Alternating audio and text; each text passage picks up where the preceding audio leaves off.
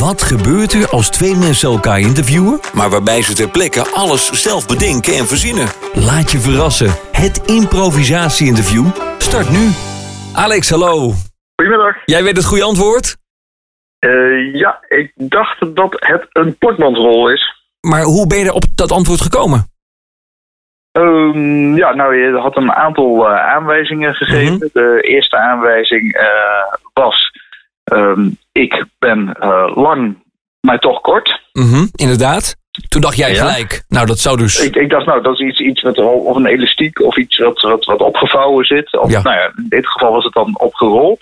En de tweede aanwijzing? Eh, de tweede aanwijzing eh, was: ehm, Mijn begin vind je zelden. dat verklaart zichzelf eigenlijk Dat al. was al eigenlijk al, ja, ja precies. Nou, eh, vermoed ik ook dat ik nu iets minder punten heb eh, gekregen. Laatste doorslaggevende punt?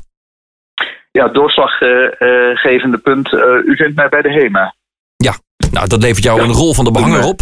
Gefeliciteerd mee. Heel fijn, dankjewel. Ehm ja, het- het- ik weet, eh, ik weet eigenlijk even niet wat ik moet zeggen. Ik ben er zo blij mee. Wil je een korte of een eh, lange rol? Ah, ja, als, eh, als ik toch mag kiezen, doe dan mij eh, de lange rol. De lange rol komt er één lange rol richting Doetinchem. Bedankt voor het meedoen. Graag gedaan. Dag Alex. Het improvisatie-interview. Abonneer je gratis via iTunes of Soundcloud. Dan mis je er geen één.